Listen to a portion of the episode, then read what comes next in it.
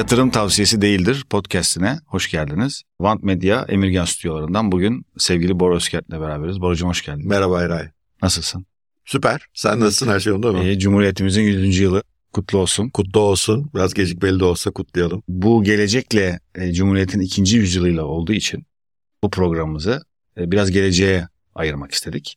Burada da senin uzman olduğun konumuz var. Elektrikli arabalar. Elektrikli arabaların bugünü, geleceği ve Türkiye'nin bu konuda ne yapması gerektiğini sana sormak istiyorum. Soracağım çok sorular var, çok konu var ama şöyle başlamak istiyorum. Şöyle bir şey okudum. Daha doğrusu geçen gün bir video gördüm. Doğru mu bilmiyorum. Atmasyon olabilir. İlk arabayı yaptıkları zaman elektrikliymiş. Bu doğru mu? Evet. Ya, yani ilk araba elektrikli miydi bilmiyorum ama mesela New York'ta 1910'da falan sokak resimlerine bakıyorsun. At arabaları var, yanında da elektrikli arabalar var. Yani fosil yakıtı pek görmüyorsun o dönemde. Thomas Edison çok asılıyor o işi. Bayağı işte batarya sistemleri, hatta kamu kuruluşlarında bile elektrikli arabalar var. Edison araba yapıyor mu? Evet evet Thomas Edison elektrikli arabası diye bir araba var. Yani gördüğün çoğu o dönem ait elektrikli araba resmi Edison'unkilerdir. Hı. Epey de bastırıyor ama şeyi... Niye olmuyor? Burada iki şeye bağlamak lazım. Yani bir, bir kere rekabet ne yapıyor ona bakmak lazım. Henry Ford müthiş bir girişimci ve Henry Ford bu fosil yakıtlı araçları çok ekonomik şekilde üretmenin yolunu buluyor. İşte meşhur bu Adam Smith'in seri üretim mantığını vesaire otomobil sektörüne aktarıyor. Ve çok iddialı bir adam. Yani maliyeti nasıl aşağı çekerim konusunda. İlk üretim tesislerinin içerisine gemiyi sokuyor mesela. Hani içeride malzeme hareketini azaltmak için vesaire. Bu kadar iddialı. Ve Ford T'nin maliyetini çok düşürmeyi beceriyor. Elektrikler pahalı kalıyorlar ona göre. Yani bir kere orada bir avantaj var ve tarihte bildiğimiz en hızlı ölçeklenme projelerinden bir tanesi Ford T. Peki neden Henry Ford elektrikliyi değil de şeyi... e, Batarya. Bat yani batarya hala bugünkü sorun o zamanlar daha da kötü bir sorun. O zamanki bataryaların menzili daha da kısa, kullanılan Hı hı. kimyasallar daha da farklı. Büyük bir yani elektrikli arabalardaki en büyük kısır döngü şu. Aslında elektrikli arabaya 5000 mil menzilde yapabilirsin. Büyük bir batarya takarsan. çok büyük pil lazım. Evet çok büyük. Yani pil büyüdükçe de hem maliyeti artıyor hem o ağırlığı taşımak için arabanın kendi içindeki performans çok kuvvetlendirmen gerekiyor. Böyle bir kısır döngüye giriyorsun. O dönemde de ondan dolayı başarısız oluyor aslında ve Henry Ford bu işi çok ekonomik hale getiriyor. Bir yandan tabii siyasi ilişkileri vesaire de kuvvetli. İşte o dönemin benzin istasyonu açılışlarını yönetiyor. O Hmm. konuda büyük ailelerle işbirliği yapıyor vesaire ve ölçekliyor mesele. Yani aslında yani otomobilde de bütün teknolojilerde de sorun herhalde ölçektir. Prototip yaparsın Türkiye'de çıkıyor işte bilmem ne üniversitesinde harika bir elektrikli araba yaptılar falan. Bunlar çok güzel iyi mühendisler böyle şeyleri beceriyor.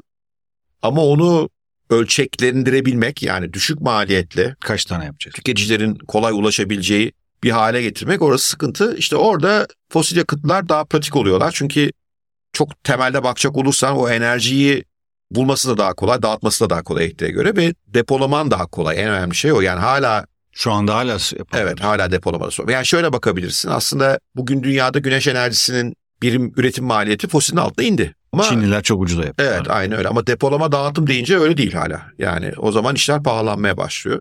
İşte atıyorum elektriği ürettikten sonra 300-400 kilometre mesafeyi geçerse yollayacağın yer hatlarda çok kayıp var. O zaman şunu ben anlıyorum buradan. Bu depolama işi İşin kritik çok kritik nokta. aynen öyle. Burayı geçtin mi bambaşka bir yere gideceğiz. Evet evet orada da kritik bir maliyet eşiği de var aslında ve oraya çok yakınız şu anda. Zaten bu son dönemde elektriklinin bu atak yapmasının temel sebebi de o. 1 kilowatt saati enerjiyi 100 doların altına depolayabilmemiz lazım. Yani bataryanın 1 kilowatt saat enerjiyi depolama maliyetinin 100 doların altına indirmemiz olması. lazım. Şimdi Tesla ve BYD'de, BYD bu işin en büyüğü Çinli. BYD Build Your Dream öyle miymiş ha ben de bilmiyorum. diye. Ben öyle anladım ama. Bilmiyorum. Biraz tuhaf bir marka seçimi. İkisi bu ölçeği aştılar gibi. Zaten BYD kendi batarya tesislerine de sahip bu arada. Tesla Panasonic'ten veya başka şirketlerden alıyor. Duyduğumuza göre yani bunu tabii hiçbiri tam açıklamıyorlar ama 1 kilowatt saat elektriği depolamanın maliyetini %16 indirdiler. Ondan dolayı da bir de üzerine teşvikler gelince fosil yakıtlı arabayla fiyatlar birbirine yakaladı. Yani bugün Tesla'nın mesela Amerika Birleşik Devletleri'nde temel model 3'ünün fiyatı Toyota Corolla fiyatına inmiş durumda. Teşvikle beraber. 7500 dolar civarı teşvik var orada. Bu durumda tabii tüketici şöyle bir durumla karşılaşıyor. Bir anda bir elektrikli araba var, bir anda fosil yakıtlı bir araba. Elektrikli arabaların kendilerine göre çok büyük avantajları var. İşte sen de kullanıyorsun biliyorsun hani ivmelenmeleri çok ilginç, çok, rahat ya. çok acayip. Şeyleri, enerji tüketimleri, Çok sessiz. maliyetleri düşük, çok sessiz. O yüzden tüketici de bu özellikle teşviklerin de yoğun olduğu ülkelerde yoğun şu anda adaptasyon. Peki bu şey okudum geçen gün. Süper batarya. Bu nedir abi? Değiştirecek mi bu işi? Yani bu demin söylediğimiz kritik eşik olan depolamada bir farklılık yaratacak mı? Muhtemelen Toyota'nın solid bataryasından bahsediyorsun diye tahmin ediyorum süper batarya deyince. Ya bunlar yıllardır konuşulan şeyler. Yani bugünkü bir arabanın pili demek aslında birkaç komponentten oluşuyor. Bir işte hücreler var. E, o hücreler ondan sonra bir batarya sistemi içerisine yerleştiriliyor. Sonra bunun iyi bir yazılımla da motora aktarılması gerekiyor. Şimdi Tesla'nın ve BYD'nin bu batarya teknolojileri ve onu motora verimli şekilde aktaran yazılım teknolojileri ve araca az elektrik tükettirme teknoloji çok üstün şu anda. Yani öbürlerinin çok üstünler. Ama pilleri işte Panasonic gibi firmalar üretiyor. Kettle üretiyor, Panasonic üretiyor, Samsung üretiyor. Büyük pil üreticileri var. İşte o pil tarafında sürekli yeni malzeme deneniyor. İşte lityumlar, potasyumlar, fosfatlar bir sürü yeni Şu anda deneniyor. lityum. Harika, Lityum lityum, lityum, fosfat gibi piller var, bataryalar var. Toyota işte bu konuda bir iddiası var ama bu iddiası yıllardır var. Solid battery dedikleri. Yani katı batarya daha da enerji verimini artıracak olan ve aracın e, 1000 mili daha küçük bir bataryayla gitmesi sağlayacak bir pilden bahsediyor uzun zamandır.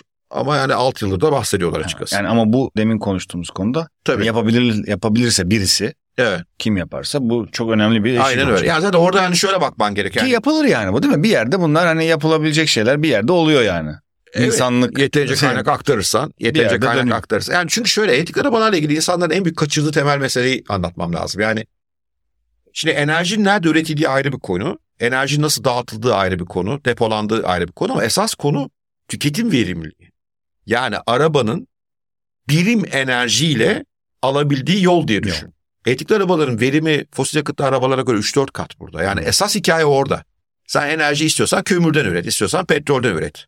Daha az bir enerji harcıyorsun. Daha az enerji harcıyorsun. Yani bu müthiş bir verim farkı olduğu için bu, bu kapanamaz bir verim farkı. Yani fosil yakıtlı da çünkü e, fosilin içerisine öyle diyelim petrol için enerji çıkarmak için işte o pistonlar iniyor kalkıyor.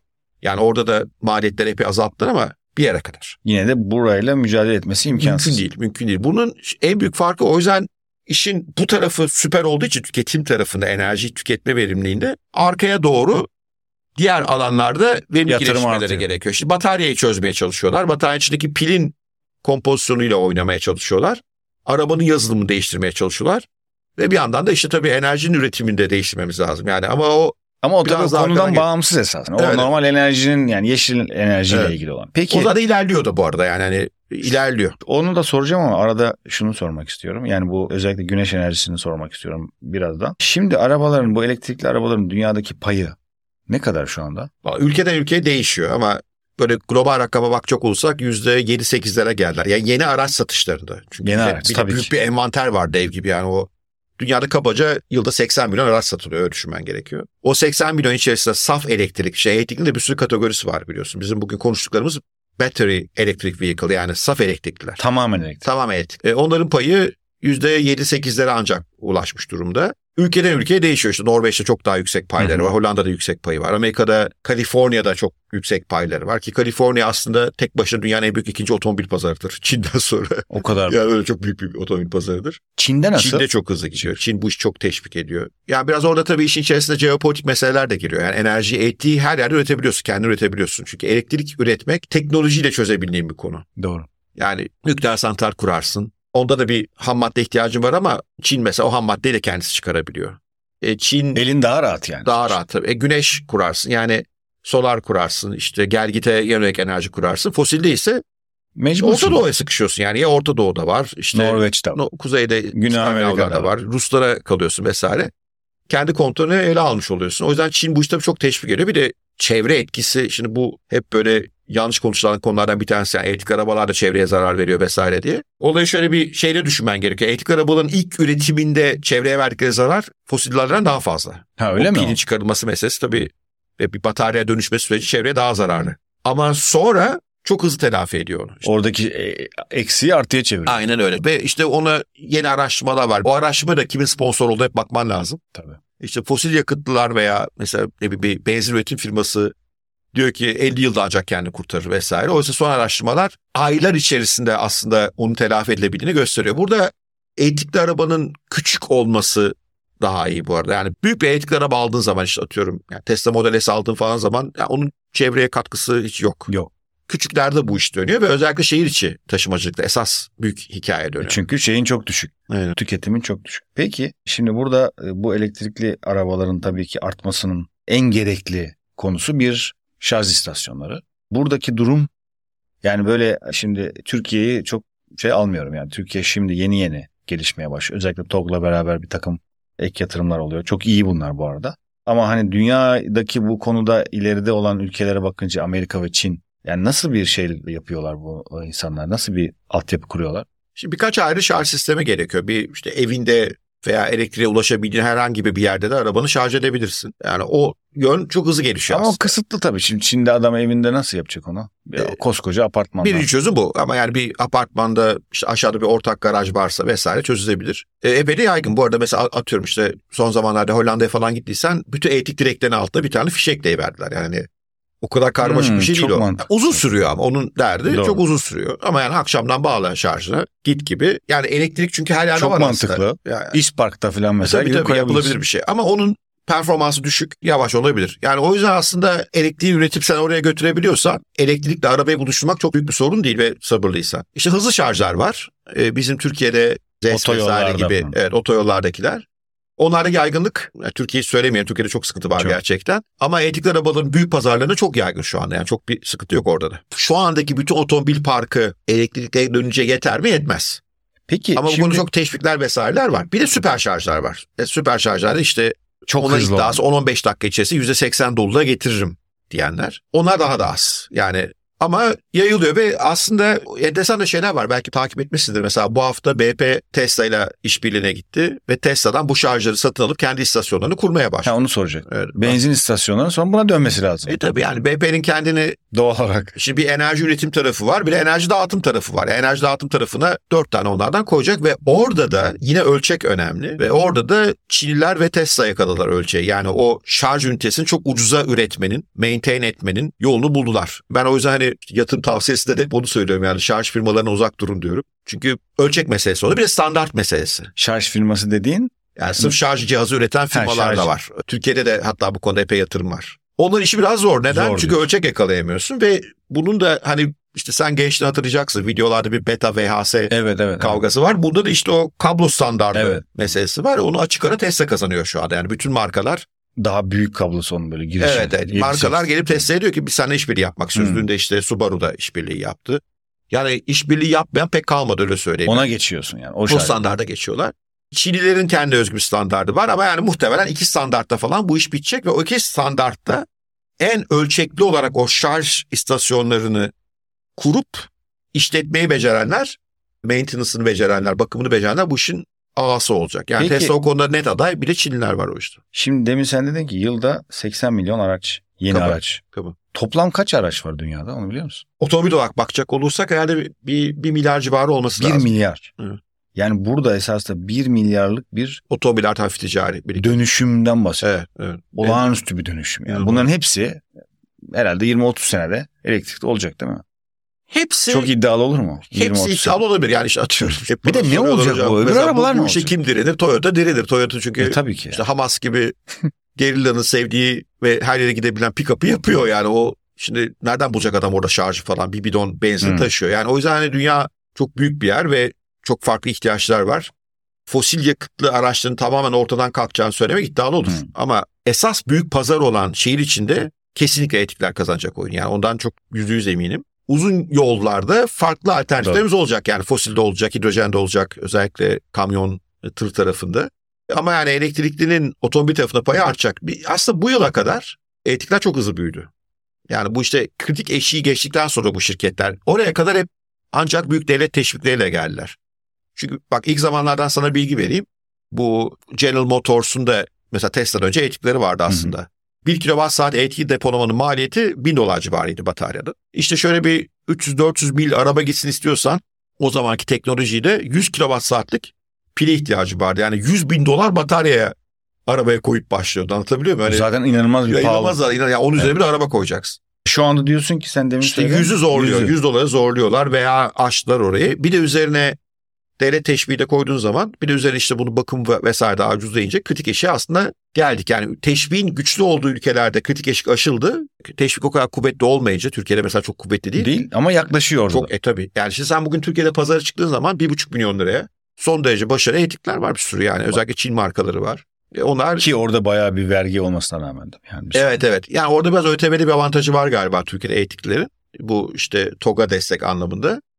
Ama hala alınacak yol var. Arabanın sorunu etikten ağırlar. Türkiye'de biliyorsun vergilenme ağırlıktan yapıldı uzun zaman. Şimdi galiba etikler de onu biraz değiştirdiler. Ama hani işte Eylül ayında Türkiye'nin en çok satan arabası Tesla Model Y'ydi. İkinci en çok satan. Fiat Egea 1, Tesla Model Y ikinciydi Eylül'de. Avrupalı araçların da markaların da elektrikleri Evet. özellikle Avrupa'da çok gelişmeye başladı. O yavaş yavaş Türkiye'ye gelecek. E Türkiye tabii tabii. farklı. Yani orada mesela Dacia'nın gayet makul bir aracı var. Avrupalıların sorunu veya aslında Avrupa'da özgü değil. Bütün geleneksel otomobil markalarının sorunu onlar kendilerini dönüştürmek zorundalar ve çok maliyetli bir dönüşüm bu. Geç kaldılar.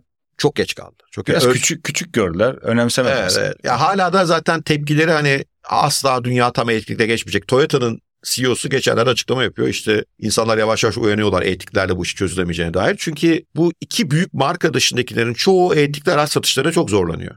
Çünkü eşiği aşamıyorlar. Fiyatları yukarıda kalıyor. En önemli göstergelerden bir tanesi de işte bir araç bir kilowatt saat elektrikle ne kadar yol alabiliyor konusunda. O konuda verimlilikte çok geride kalıyorlar. Bir de o zaman rakibine yetişmen çok zor yani. Tabii, Nasıl tabii. yetişeceksin? Ya bu şey anına benziyor Eray biraz. Bu ilk iPhone çıktığında BlackBerry de dokunulabilir ekranlı telefon yaptı satmadı. Doğru. Oradan yola çıkarak dedi ki dokunulabilir ekran telefonlar satmıyor. Hayır senin telefonun Senin kötü te- olduğu için satmıyor yani. Sıkıntı orada. Bu nedenle bu da çok hızlı bu işte ölçeklenmeyi becerenler aynı zamanda Ford yaptığı gibi.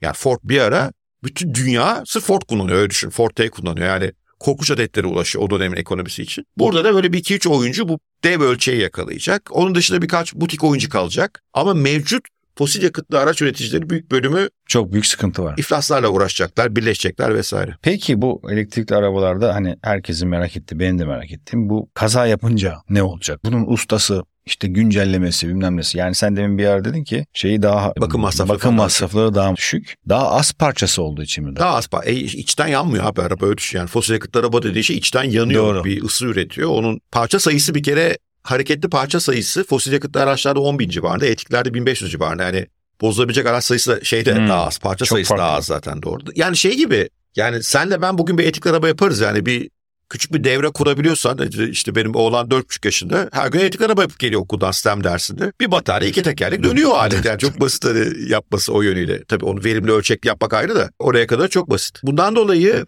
bu batarya e, araçlarda bakım düşük masraflı. Fakat çok monoblok araçlar bunlar. Hatta mesela şimdi yeni etik araçlarda şasiyle batarya tek hale Tek, gelmeye evet, başlıyor. Şimdi soruyorum. altta batarya biliyorsun şasiden ayrı onu tek hale getirmeye çalışıyorlar. Onun ne avantajı var? Maliyet Niye? azaltıyorsun sürekli Hı. maliyet azaltıyorsun. Yani iki ayrı parça yerine tek parça maliyet azaltıyorsun ama bunun da kaza anında iki sorun birden çıkıyor. Bir tanesi işte bu monoblok bir ünitede sök tak bizim sanayideki Hmm. ustanın yapabileceği bir Ne şey değil. yapıyorsun peki orada? Ana şirket yani ana şirket dışında hiçbir çözümün yok bu konularda.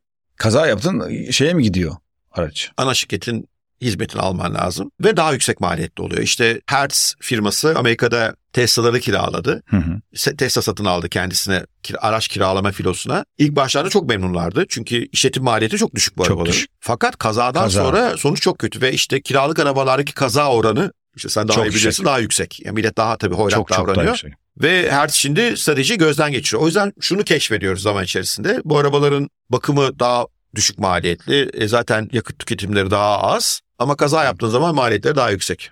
Peki bizim Türkiye için yedek parça ciddi bir yedek parça sanayisi var.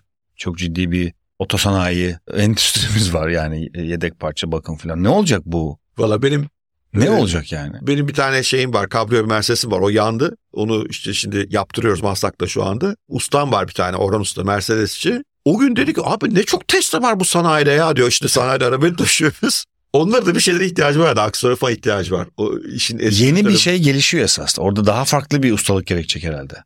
Yani Değil ziyade cihaz gerekiyor Cihaz, orada. Çok hı. yani öyle Eray benim ilk bir Lada'm vardı üniversitede. Bu Lada Samaralar belki hatırlıyorsun Hatırlıyorum. arabayı. Araba boyuna arıza yapıyor. Ondan sonra bütün işin içinden çıkamıyoruz falan filan. Araba şey yapıyor aküsü boyuna boş oluyor.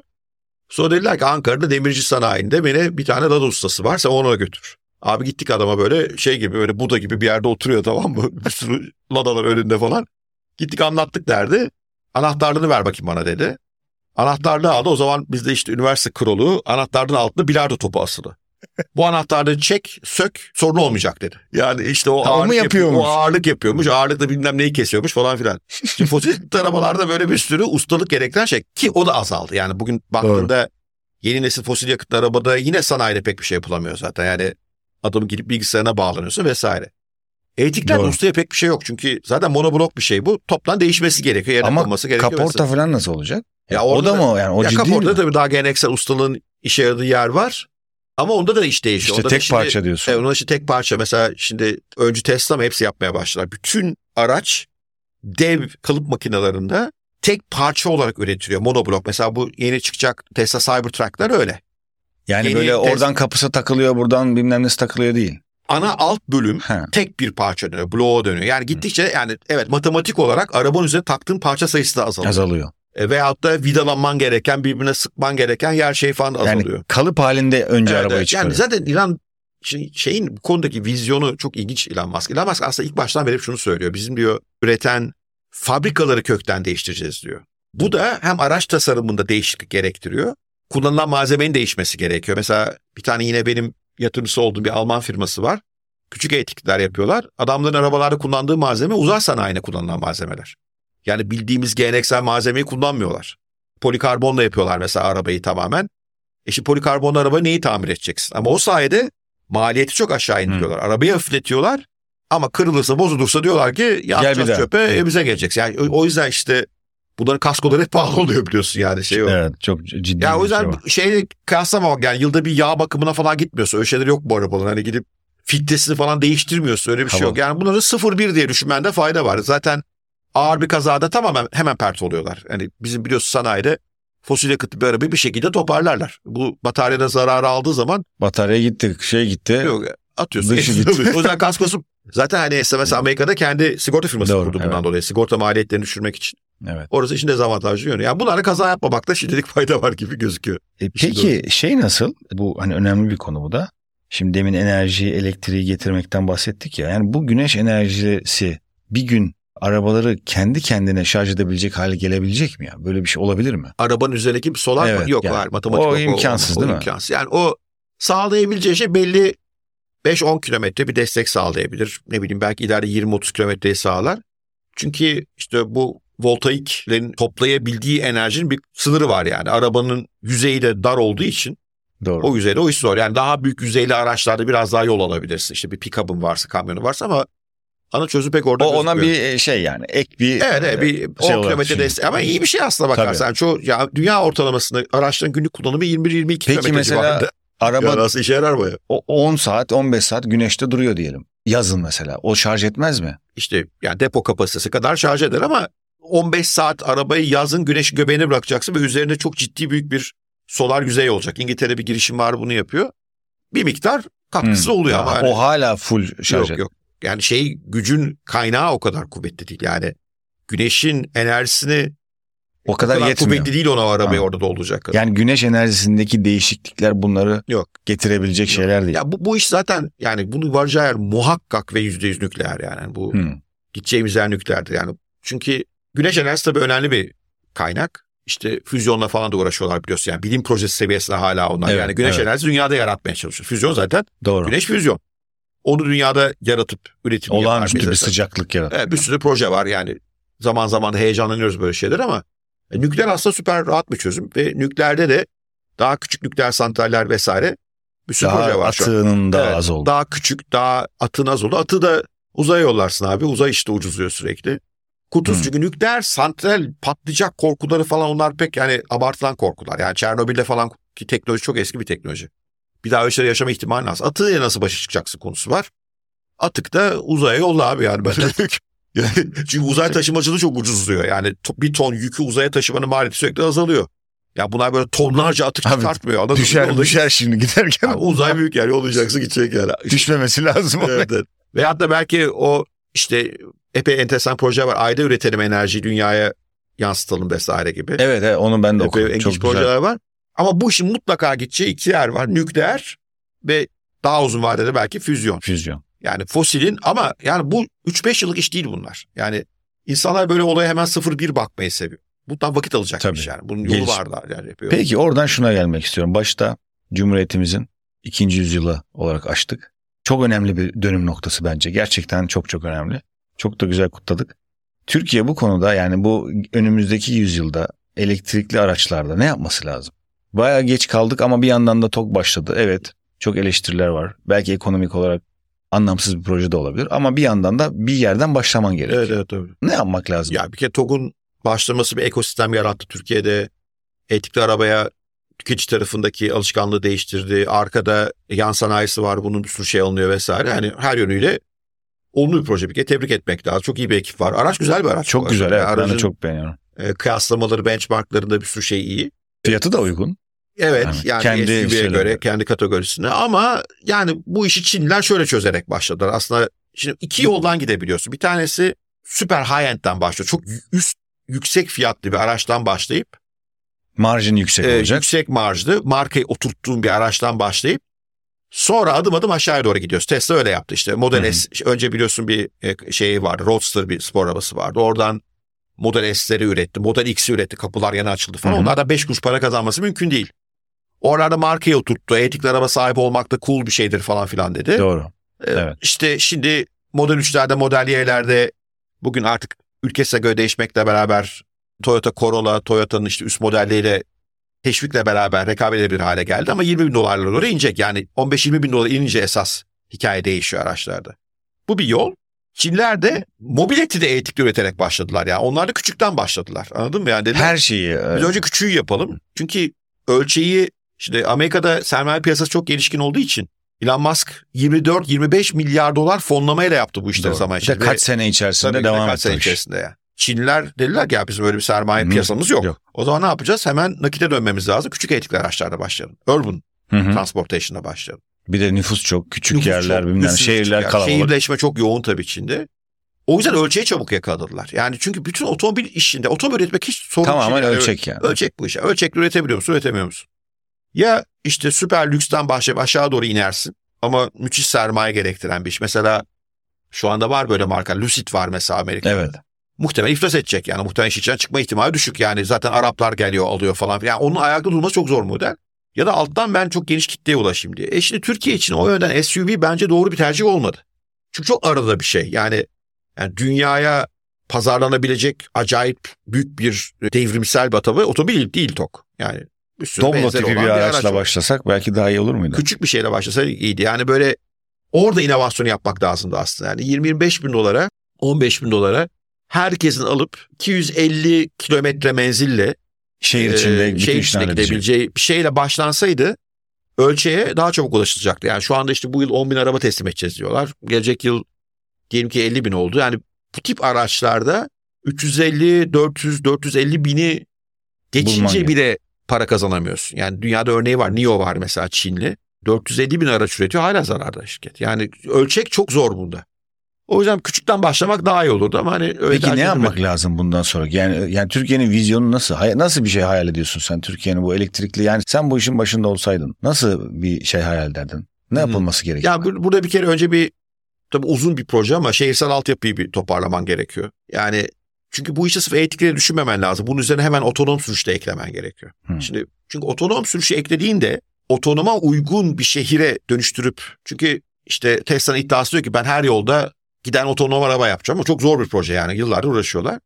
Mesela Çinli şehri otonoma uygun hale getiriyor anladın mı? Yani Hı, daha mantıklı. yol standartını vesaire ona uygun hale getiriyor. Neden çok büyük fark yaratıyor bu? Bugün bir fosil yakıtlı araçta herhalde dünya ortalamasında 1.70-1.75 dolar para harcıyorsun bir mil yol gitmek için. Okey? Bunun içerisine vergisi, benzini, amortismanı vesairesi dahil. 1.75 dolar. 1.75 dolar fosilde dedin. Evet bu şeyden beri böyle bu arada. Ford T'den beri buralarda gidiyoruz. Yani enflasyon düzeltilmiş haliyle tabii. Peki. At arabalarında bu 3 dolar falanmış. Hı. Yani işte Enteresan. at lazım, seyis lazım vesaire. Doğru. Elektrikli otonom bir araçta bunu bir filo gibi düşün. Yani bir sürü var buna. Uber gibi düşün ama Hı hı. e, Kendi kendine. şoförü küçük bir de bunda elektrikli. Bunu 25 sente indirme ihtimali var. E, 1.70 dolardan 25 sente indirdiğin zaman sen bunu e, biri. iki büyük şey yapıyorsun. Bir tanesi ülkenin ekonomisini düzeltiyorsun. Müthiş bir Müthiş yani müthiş. Boşa ekonomi. giden para Hiç yani şey diyebilirler arkadaşlar hocam Türkiye'de otomobil ÖTV'si devlet en büyük gelir kaynaklarına bir tanesi ama sonuçta dışarı giden parayı azaltman lazım. Yani bizim en büyük harcamamız enerji Tabii. ve otomobili üretmek de yüksek maliyetli bir şey. Çünkü bunun ikinci bir etkisi daha oluyor. Daha az araçla iş görmeye başlıyorsun. O kadar çok arabaya ihtiyaç. Yani hem bir mil başına harcadığın para azalıyor hem de bu bir elektrikli Topladığın otonom- mil harcı az, da azalmaya başlıyor bu sefer yani. Gittiğin kilometre de azalıyor toplam kilometre. Daha da enteresan bir şey daha var. Araba sayısı azalıyor. Hı, tabii Çünkü ki. düşün işte bizim arabalar geldi burada kapıda yatıyor şimdi. Tabii. Saatlerce yatacak hiçbir şey yaramayacaklar. O yatmayacak abi. Gidecek birisi işini daha görmeye başlayacak. Yani o yüzden burada bir Çin bu, bu konusu. giriyor? Çin şu anda buna mı? Çin buna oynuyor aynı öyle. Çin buna oynuyor. Ee, Amerika kısmen buna oynuyor. Biliyorsun Amerika'da şu anda bir sürü yer mesela e, Google Waymo'lar Amerika'da şoförsüz 7-24 taksi hizmeti veriyor. Aldılar sertifikalı izinlerini aldılar bu konuda. Bununla ilgili tabii bir tane endişe var. İşte yapay zekalı araba kaza yaparsa sessiz kaskocusu da oradan kafayı yiyor hani.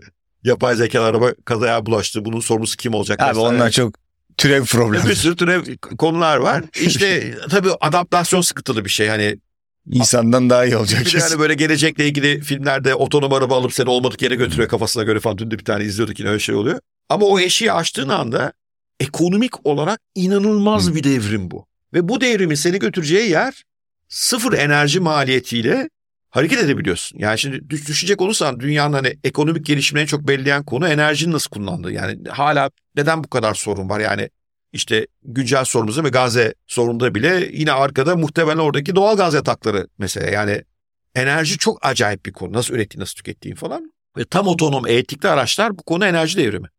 Türkiye bunu oynamalı. Yani Türkiye'nin oynaması gereken oyun. Biz tam otonoma uygun şehirler, Şehirler. kasabalar. Kasabayla başla ya. İlla şehirle başlamana gerek yok.